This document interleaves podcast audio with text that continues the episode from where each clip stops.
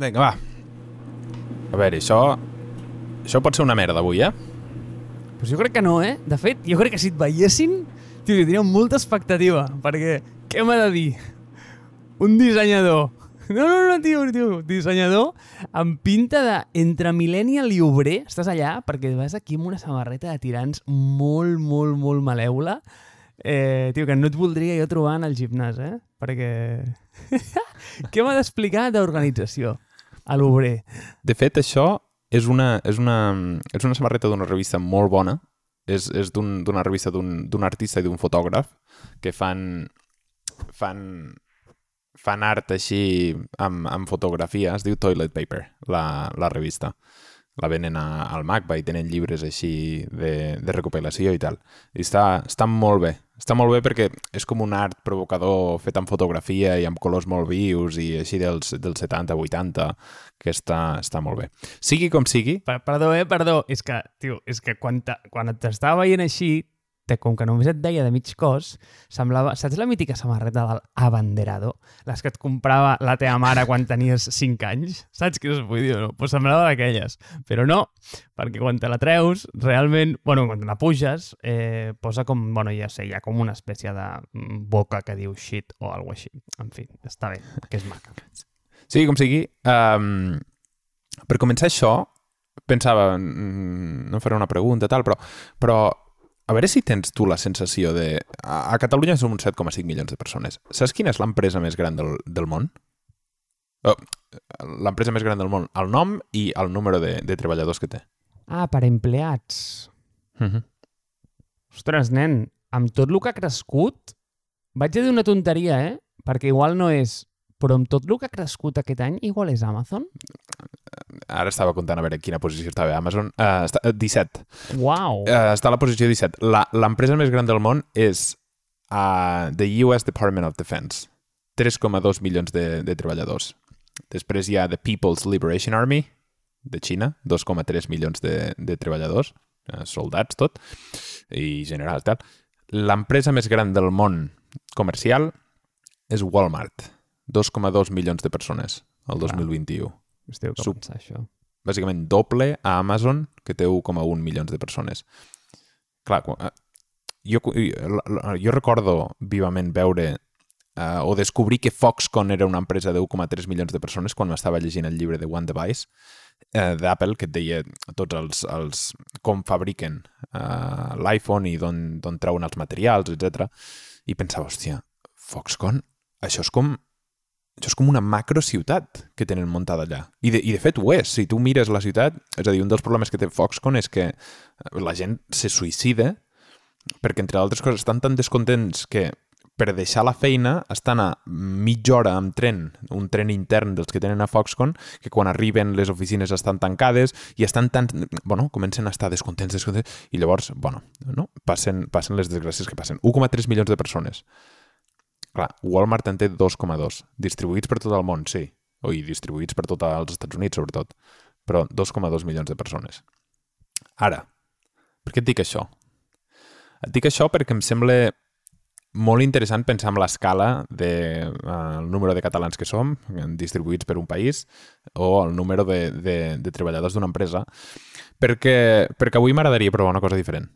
Ja t'ho vaig dir fa un parell de dies, però hi ha vegades que, que algú ha sentit un, un, un capítol del podcast o sap a què et dediques i, i és una veu molt fluixa que a vegades et pregunta una pregunta que et deixa una mica sense aire i et treu una mica de, de la teva zona de confort. I són preguntes normalment que no, no tenen una resposta fàcil i una resposta definida.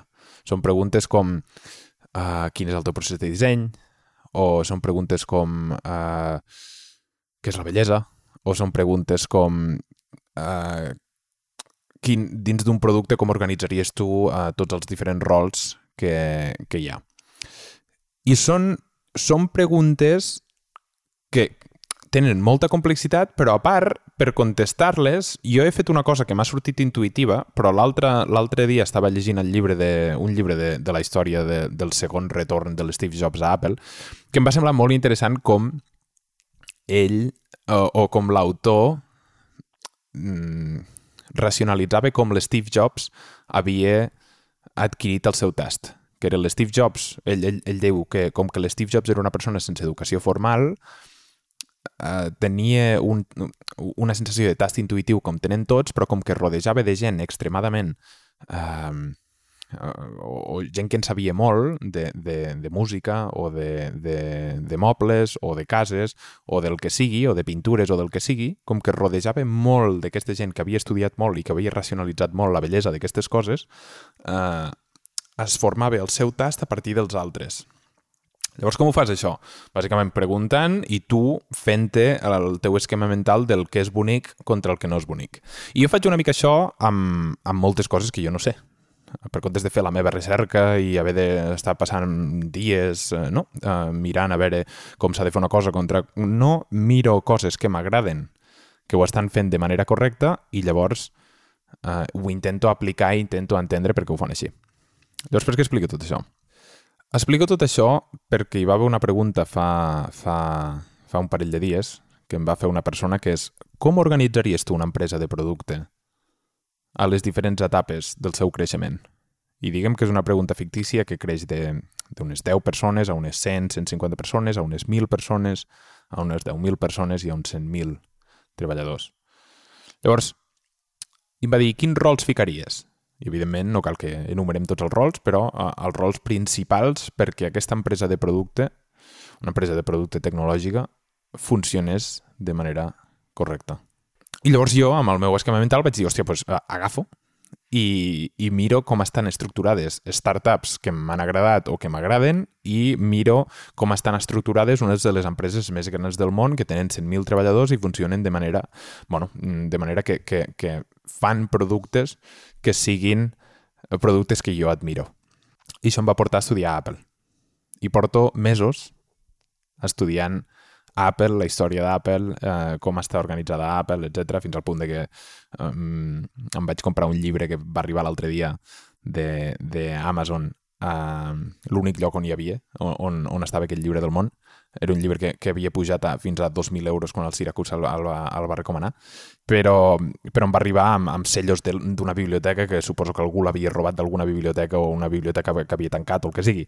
Total, que em va arribar perquè ja no, no, no el feien en format Kindle. Bueno, i volia estudiar com s'havia organitzat Apple i els problemes que havia tingut durant, la, durant el, re, el, el retrocés de la història d'Apple quan van fer fora el Steve Jobs fins al 1997 que el van tornar a, a cridar per, haver, per saber què havia fallat i si tenia alguna cosa a veure amb l'organització i amb la visió de, de la persona.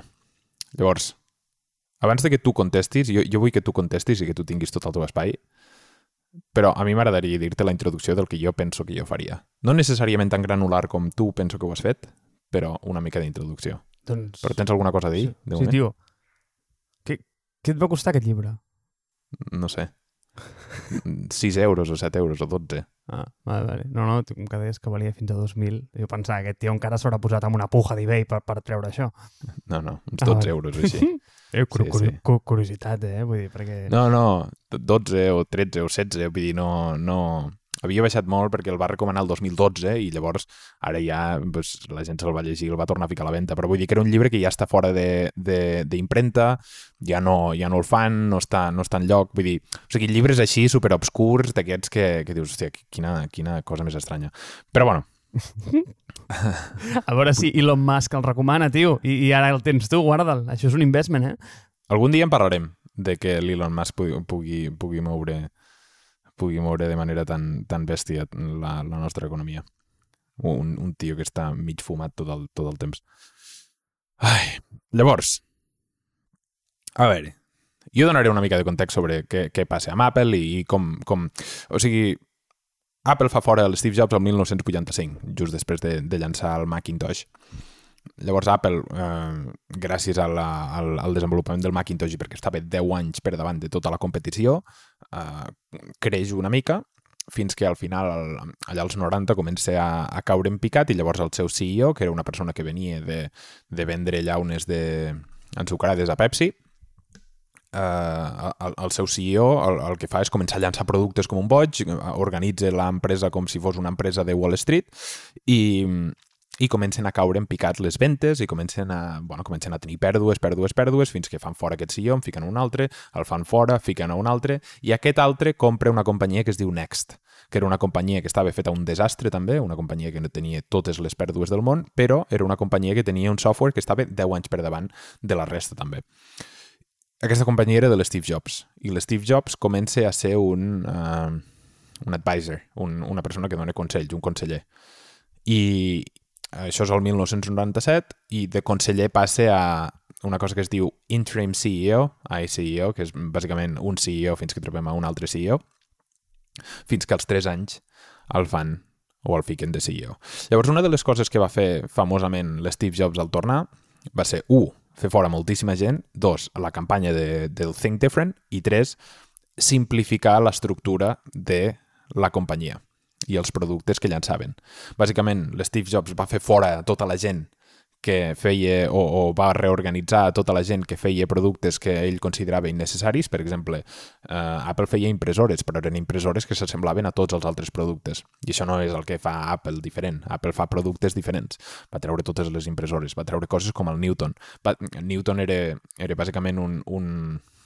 És que trobo que, que, que és com insultar l'iPad, dir que, és, que era com un iPad, però bueno, era, era com una PDA, bàsicament, um, que tenia diversos problemes. Però bàsicament fa fora tot això i simplifica la línia de producte amb una quadrant superfàcil, que és, tindrem un ordinador portàtil i un ordinador sobre taula i serà un pel consumidor i un per, um, per als professionals. Tindrem quatre ordinadors. I a partir d'aquí començarem a créixer. I després surt l'iPod, surt l'iPhone, surt l'iPad i tot això quan Apple canvi de ser una companyia d'ordinadors a ser una companyia d'electrònics. Llavors això que molta gent coneix passa desapercebut el, el canvi que això va representar internament. Perquè ell el que fa és fer fora tots els, els middle managers que va ficar el tio de Wall Street o el tio de Nova York i crea una organització funcional dins de la seva empresa. Jo no sabia que era una organització funcional fins fa eh, dos mesos però em va semblar super interessant. Bàsicament el que crea són estructures de negoci i són estructures de negoci amb experts a dalt de tot. Una és marketing, l'altra és ventes, l'altra és hardware, l'altra és software, l'altra és disseny, l'altra és... Totes aquestes estructures no les organitza per productes, hem dit que hi havia quatre productes, però les organitza per línies de negoci, i el que fa és ficar experts al millor de cada cosa a dalt de tot perquè mani i a sota seu, bueno, organitza eh, tots els nivells de uh, senior i tal, no sé què, no sé quantos, i, i fica managers per apo apoyar aquestes persones, però bàsicament per comptes de tenir una estructura per productes, és a dir, la divisió del Mac, la divisió de l'Apple II, la divisió de, del MacBook Pro, la divisió del que sigui, fa unes, orga um, unes organitzacions super uh, verticals que bàsicament controlen tots els productes a la mateixa vegada. Llavors, el que fa això és que, uh, per exemple, imagina't la càmera de l'iPhone. Apple té càmeres amb molts dispositius, al Mac, a l'iPhone, a l'iPad. Si hi hagués tres línies de negoci totalment separades, amb els seus incentius totalment separats, el coneixement que tu tindries de la càmera estaria diluït amb tres organitzacions, la de l'iPhone, la de l'iPad i la del Mac. Si tu tens una organització que és hardware i dins de hardware tens una organització que es diu càmera, tens a 600 professionals que només es dediquen a, un, a fer recerca de la millor càmera. I llavors tot el coneixement i tota la recerca feta per un dels dispositius es pot, eh, es pot separar i dividir pels altres dispositius també. Llavors això, que amb una organització de 8.000 persones eh, és més o menys normal fer-ho, tot i que ja comences a ser eh, nivell gran, però és super eh, bé per Apple. Comença a créixer, créixer, créixer, fins a, a dia d'avui 140.000 treballadors i Apple continua fent la mateixa estructura funcional és una mica més complicada i eh, té molts més matisos als quals no entraré, però llavors, clar, jo quan vaig pensar a la resposta d'aquesta pregunta és, és així com, com ho organitzaria, per una empresa petita o per una empresa gran. I per una empresa gran és complicadíssim i, i evidentment jo no, no en tinc ni idea, però per una empresa petita, per una empresa d'un producte o de dos productes, imagina't web i app, és, és una empresa d'uns 10 a 150 treballadors. L'organització és clara hi ha una persona que veu tot el que passa, hi ha una persona de finances, hi ha una persona de disseny, hi ha una persona de, de software, hi ha una persona de hardware, si hi és, i després hi ha una persona de ventes, de legal i de, i de persones. Aquestes persones són professionals dins dels seus camps, i tenen una persona que veu tot el que passa a tots aquests camps, que és el CEO. I aquella persona organitza a tots els departaments perquè col·laborin entre ells per treure els diferents productes. I llavors, dins d'aquestes organitzacions, dins de l'organització de disseny, dins de l'organització de software i dins de les altres organitzacions, hi ha organitzacions horitzontals que fan que els productes web i app surtin de manera correcta i surtin i, i, i ells dins de l'estructura vertical puguin col·laborar perquè tot tingui la consistència que es necessita. Llavors aquesta és la meva resposta. I sempre amb disseny a dalt de tot, amb al costat d'enginyeria i al costat de tots els altres processos sense deixar algú per sota o sense deixar algú per sobre. I amb el CEO veient tot el que passa i fixant-se en els detalls. Llavors això, que és bàsicament resumit tot el que tenia escrit per això, és la meva resposta. Quina és la teva? La meva resposta és que no hi ha respostes bones ni dolentes, sinó que només ho pots avaluar en el context del problema que tu vols solventar com a organització. És a dir, pensar que tens una resposta per aquesta pregunta, bueno, igual estàs molt esbiaixat pel que has vist sempre, però es fa difícil, ¿vale? o sigui, almenys a mi se'm fa difícil. Llavors, sí que és cert que hi ha certes veritats absolutes que poden funcionar. Eh, i donc, per exemple, el que tu bé has dit, no? No, i abans que res, abans que res, que aquest punt és superimportant. O sigui, no s'ha de subestimar com la importància que té aquest tema, eh? O sigui, aquest tema, que... I, i mira, aquest matí ho pensava, tio, és una conversa una mica rica, en el sentit de que hi ha molt poca gent que estigui en mans de poder accionar una decisió com aquesta.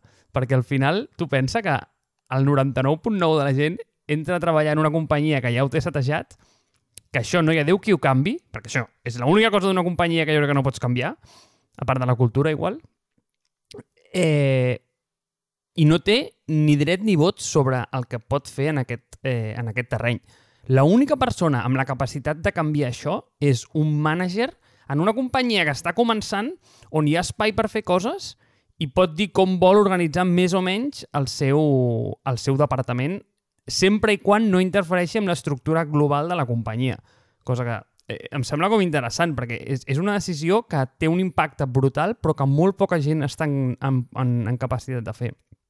I, tornant al que deia, és a dir, posant la xinxeta aquí de la importància que té això i el molt rellevant que és pel futur de la teva companyia. O sigui, altres coses igual no tenen molt impacte, però això pot fer o desfer una empresa literal. Però literal, i, i, i puc posar molts casos i molts exemples de, de companyies que han dominat un mercat durant molts anys i s'han acabat diluint i s'han acabat anant a la merda bàsicament per l'esclavitud que tenien sobre la seva organització. I em sembla impressionant. Després posem exemples, si vols. Però anem a... Microsoft. Microsoft quasi se'n va a la merda per això. Però mira, què l'ha salvat? Que li ha donat la volta, eh? Clar, clar, bueno, és que va venir un tio i va dir això és un, això és un drama. I no li ha donat la volta del tot, eh? Mm, ja, perquè, ja, però està en ello, perquè continua sent un drama entre, entre la... És a dir, bàsicament nosaltres tenim Machine Learning i hi ha 12 equips a Microsoft fent Machine Learning. És, un, és dramàtic això, perquè no parlem entre nosaltres, tothom ten, tenim els nostres incentius, nosaltres tenim les nostres, les nostres... Una de les coses que va fer bé Apple és ficar un incentiu, que és que la companyia vagi bé. Llavors, i vaig llegir això molt ràpid, eh? si la cosa va bé, o sigui, tu no, no pots controlar que la cosa que llancem vagi bé, però tu pots controlar que, que no cagar-la. És a dir, si va bé és gràcies a tots, si va malament i és culpa teva, és culpa teva i te'n vas fora. És super pervers això, però és brillant. Ja, també és una mica dictatorial, però, eh, però està bé, està bé. I, i, I anem a veure fins a quin punt això escala, eh? Però a, a, a, a, a, a, anava, a, a quin punt anava? Primer de tot, i a mi això m'encanta veure-ho, ara ha menys, però abans era espectacular. És a dir, aquesta llei, la, de, la, la, la, la, la llei de Conway, que et diu que tu bàsicament el que eh, fabriques és el teu orchard i el teu producte és un reflex brillant del que eh, de com estàs organitzat, i jo això ho veia claríssim en els dashboards dels cotxes. És a dir, em semblava com una competició feroç per buscar un espai per posar un botó i com 10.000 prioritats competint entre elles, la del climatitzador, la del GPS, la de l'ordinador a bord, la del tio que posa els, da- els, eh, els interruptors pels intermitents, o sigui, el, del, el dels warnings. És a dir, tio, és una espècie de pastel que dius, Déu meu, mai voldria treballar en una companyia així. Però, anant a la teva pregunta, respostes ràpides. Per sota de 100 empleats, absolutament funcional. I anem a posar la diferència, eh? O sigui, una cosa és una companyia funcional. Una companyia funcional és, com diu el Ramon, que no està organitzada per productes, sinó per departaments i que tots tenen permeabilitat sobre aquests. I una organització eh, basada en unitats és que cada hi ha diferents unitats de negoci que tu, pues, jo que sé, pues, si tens diferents productes en el, en el product line, pues, cada unitat és responsable per l'èxit d'aquell producte. Té, o sigui, i tu has pintat superbinari, eh, per això. És a dir, bons i dolents, però jo no crec que hi hagi bons i dolents. O sigui, hi ha, bones, hi ha bons moments en el, quan tens problemes diferents. Però digues, digues. No, t'anava a fer una pregunta. D'acord, dins d'aquesta... És a dir, jo no estic d'acord que no hi hagi una fórmula per tot això. És a dir, que em diguis, no, és que eh, cada problema és únic. O sigui, perquè tots estem seguint la mateixa estructura de quan ets el suficientment gran, t'estructures per departaments i bona sort perquè Dupont ho va fer el 1950. És a dir, sí que és veritat que cada cas és concret, però clarament hi ha una manera... mm, És a dir, o sigui, podem mirar dades, la gent que, que, que es dedica més temps a unes empreses o que està més content o més descontenta. Sigui com sigui, la meva pregunta és com estructuraries tu um, una empresa que està, això, entre 10 i 150 treballadors, que, que o sigui, amb noms i amb departaments que es dedique a fer una, una aplicació mòbil i una aplicació i, i una aplicació web, diguéssim. O sigui, no, noms i cognoms. És a dir, sí, sí, és sub 100 empleats. I sobretot, la companyia i, i veure, això generalment una cosa porta a l'altra, però a, a, anem a posar-ho sobre la taula perquè crec que és molt important. La companyia és monoproducte, és a dir, només fa una sola cosa, que generalment sol ser el cas, i posaré una altra trinxeta aquí, posaré una altra trinxeta. És a dir, no només monoproducte, sinó que si té diferents productes, el més crític en aquí és que entre ells comparteixin una estratègia de go-to-market. En el moment que això és diferent, la companyia ha de ser divisional, 100%. Eh, dic unitària, perdona. Eh, és a dir, per unitats, no, no, no, no, per, no per funcions. Per mi. Per què? És a dir, és molt fàcil dir, ah, clar, eh, Apple eh, és funcional, llavors té l'iPhone, llavors mm, comença a vendre eh, l'iPad i, i li va molt bé. Llavors, eh, tio, mm, Steve Jobs és un geni. Vale, guai. O sigui, t'ho compro, però l'iPhone i l'iPad comparteixen eminentment un go-to-market strategy que funciona pels dos.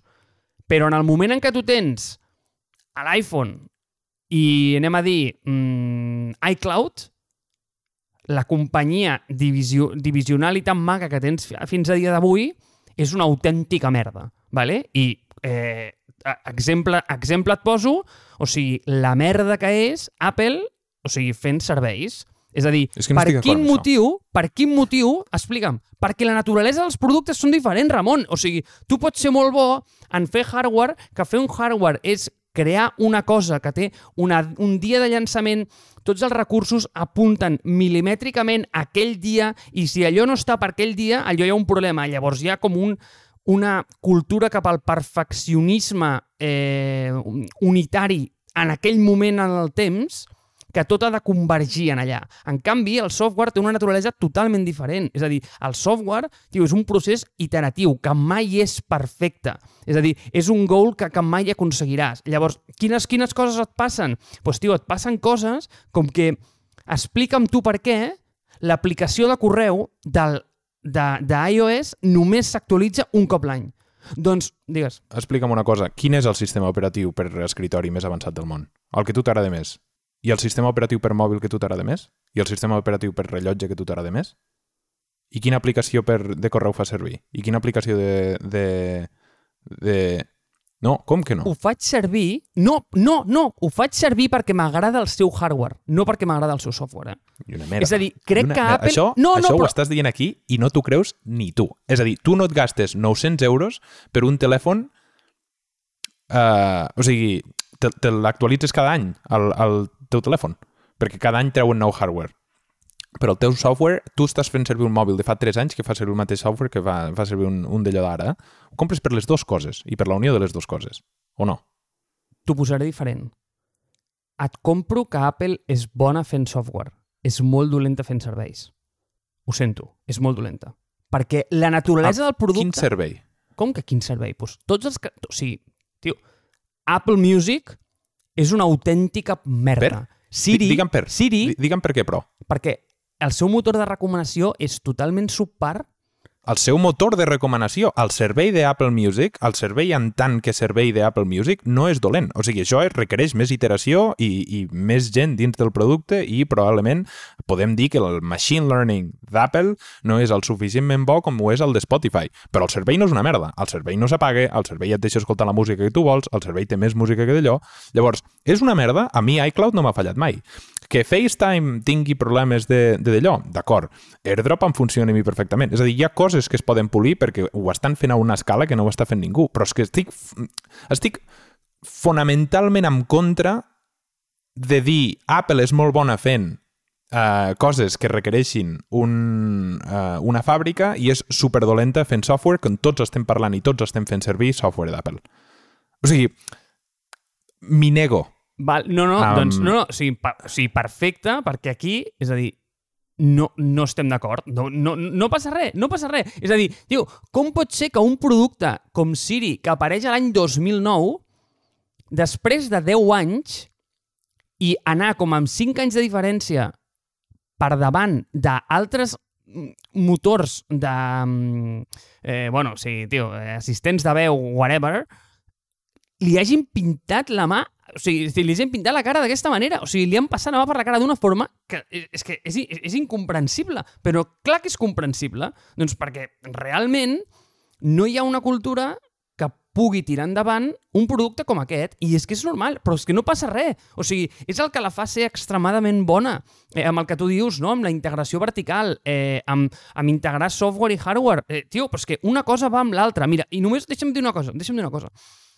Com jo crec que hi ha un exemple que és exactament idèntic en aquest i que explica molt millor perquè el, el remoure complexitat, per ser me, més antic, se- s'entén molt millor eh, eh, el, el, el, el, el, com la, la causa fundacional d'això. I és, al, al principi dels 1900, tio, Ford estava posant, amb el model T, estava posant més del 90% dels cotxes en el mercat.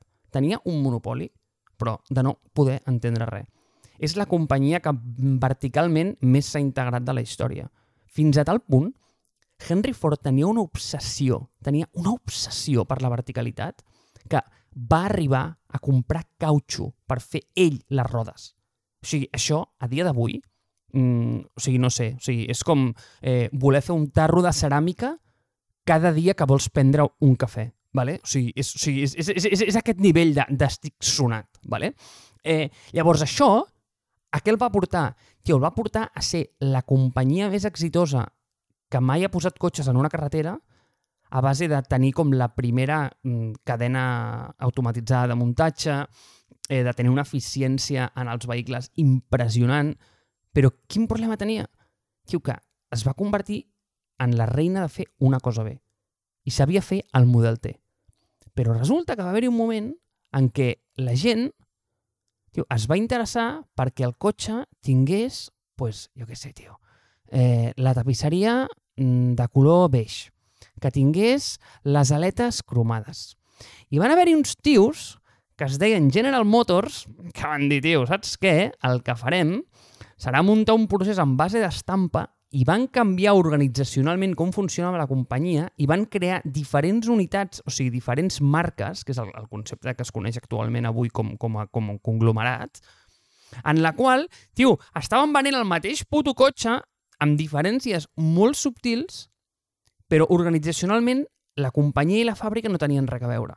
Tio, això va arruïnar a Ford, quasi, quasi, quasi Ford és la primera quiebra que va, eh, que va patir, la van tenir que salvar de llavors. Se'n va anar li- literalment a la ruïna quan tenia el 90% del mercat. I és que culturalment, tio, o sigui, aquella companyia no estava pensada per servir aquell mercat i, eh, i, i, i ho deixo ja, però, per exemple, tu m'has passat com aquell, et posarem després, com aquella imatge de, de, dels organigrames que són molt divertits, a mi em fa molta gràcia. Eh, si et fixes el d'Amazon, per quin motiu? Diu, Amazon és bona fent algunes coses i és molt bona fent altres, val? És a dir, Amazon és extremadament bona tenint diferents unitats de negoci que serveixen a, a, a, a problemes diferents, malgrat, tio, o sigui, fent el Fire Phone és el fracàs més gran de la història d'un producte, de, d'un producte de hardware, et diria. Eminentment, tio, és una companyia que no està preparada per... per o, o, o no estava dissenyada per treure aquell producte. No estic d'acord. Vale, ara, ara, ara després veiem per què no. Però, per exemple, un cas d'èxit d'Amazon, tio, amb Amazon Web Services.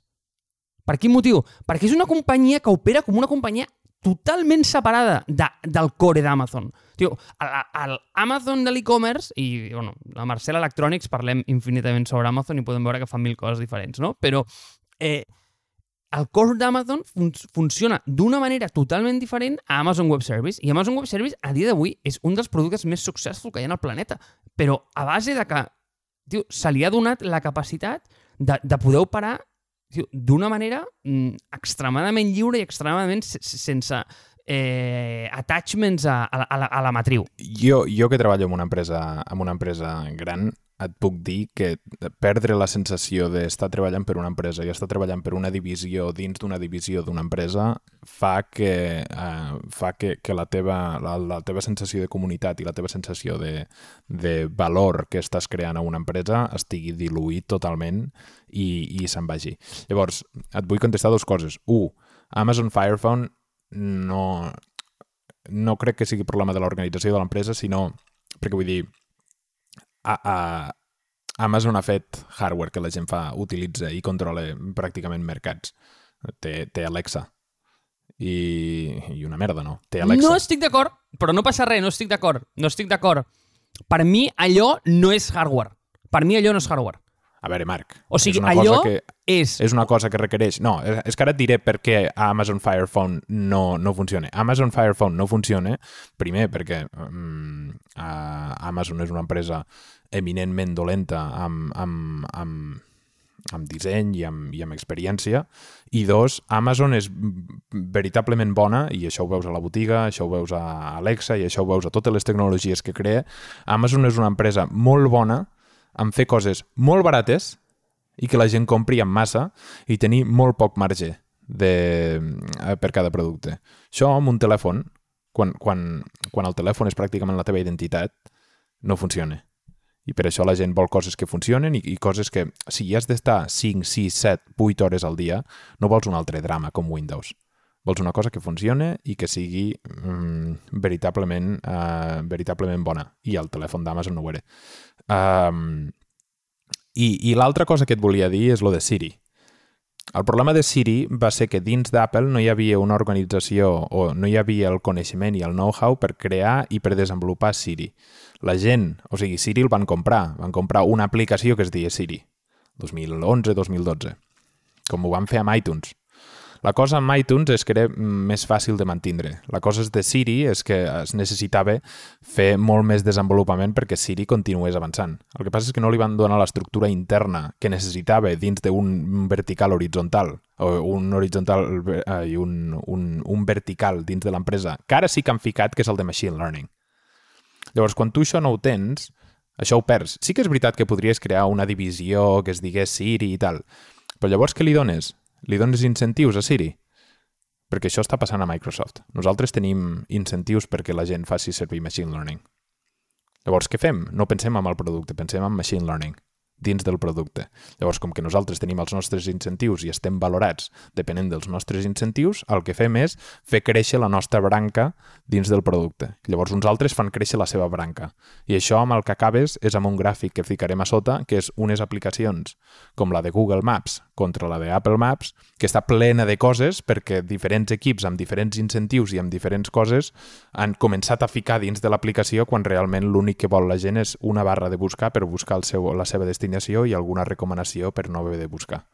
I aquesta és la cosa que fonamentalment, quan tu tens divisions, fins i tot dins de productes, et carregues l'experiència d'un producte perquè estàs ficant a massa gent pensant en una cosa que hauria de ser molt més àgil i molt més ràpida. I si Apple creés una divisió de serveis, estaria competint amb el seu negoci i se n'aprofitaria de coses per tal de que els incentius dels serveis creixessin molt més que l'altre.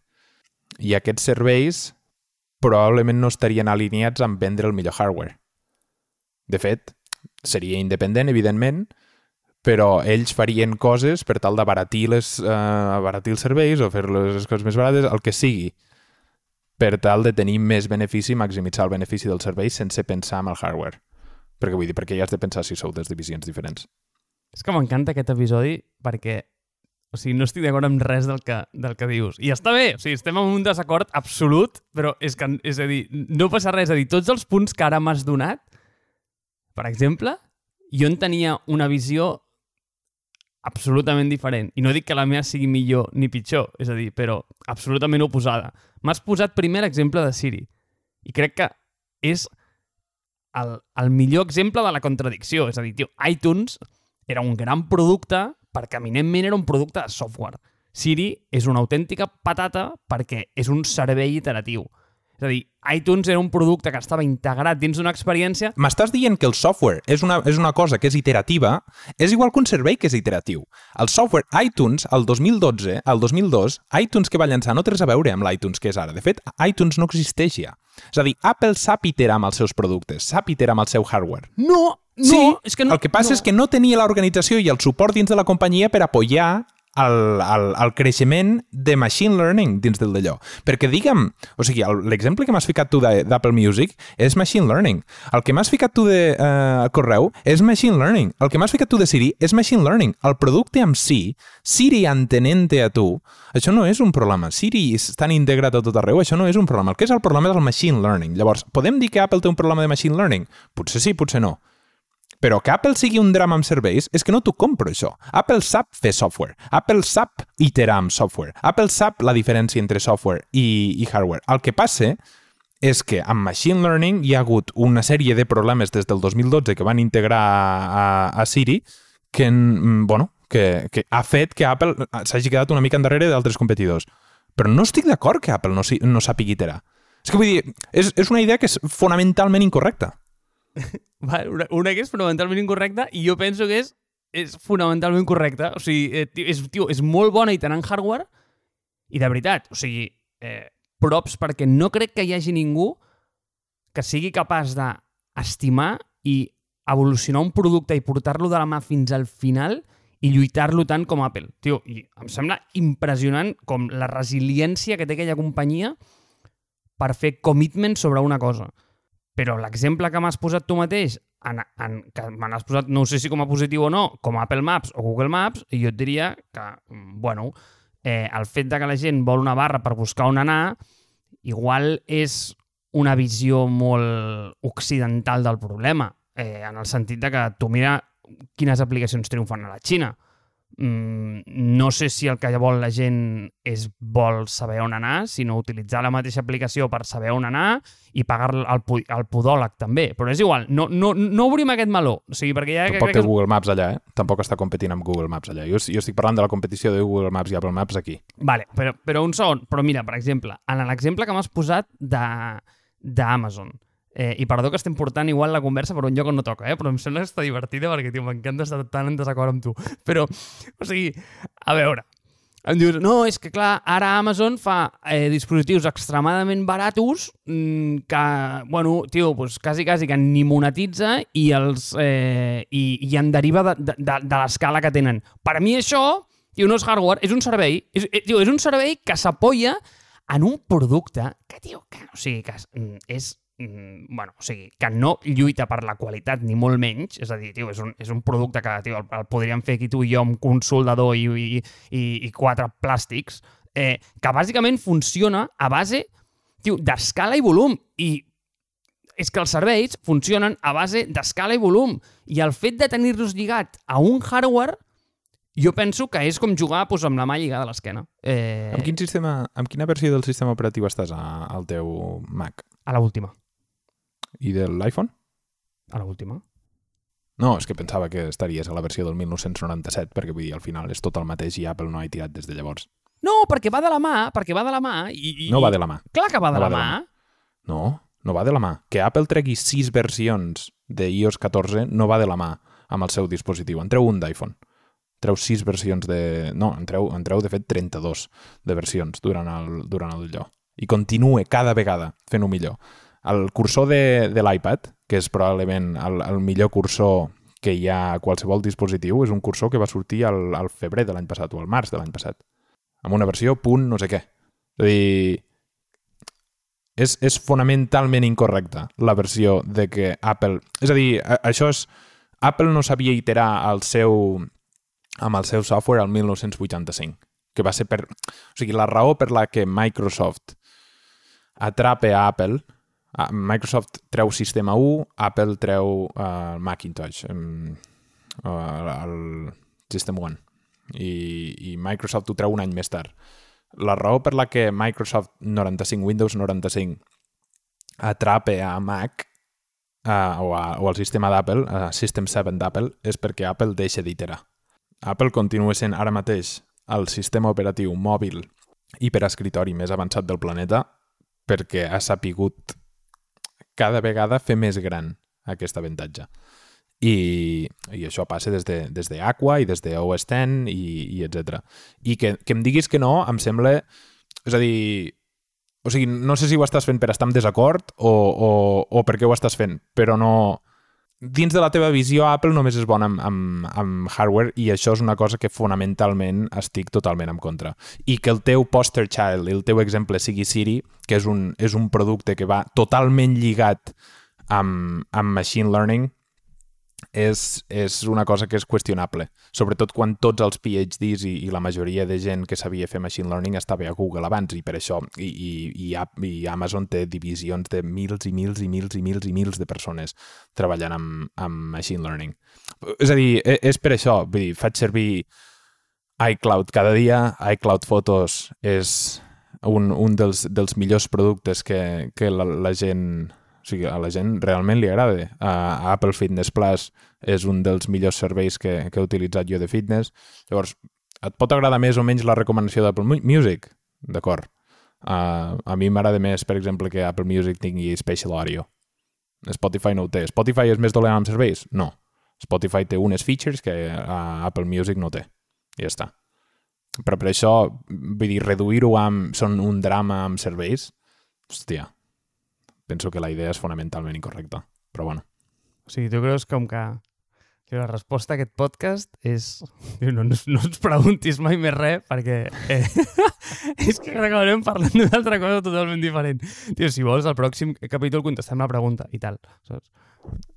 Jo l'he contestat. El sistema funcional sempre. Sempre. No, jo dic, tio, que, que no hi ha una bona resposta. Depèn molt de, de la diversitat del producte que tinguis i, i la teva estratègia de mercat que vulguis seguir. I aquesta és la meva resposta. Però crec que la teva resposta és més... Anem a fer una dictadura d'un, i si no t'agrada, noi, pues te'n vas a fer una altra companyia. Exacte.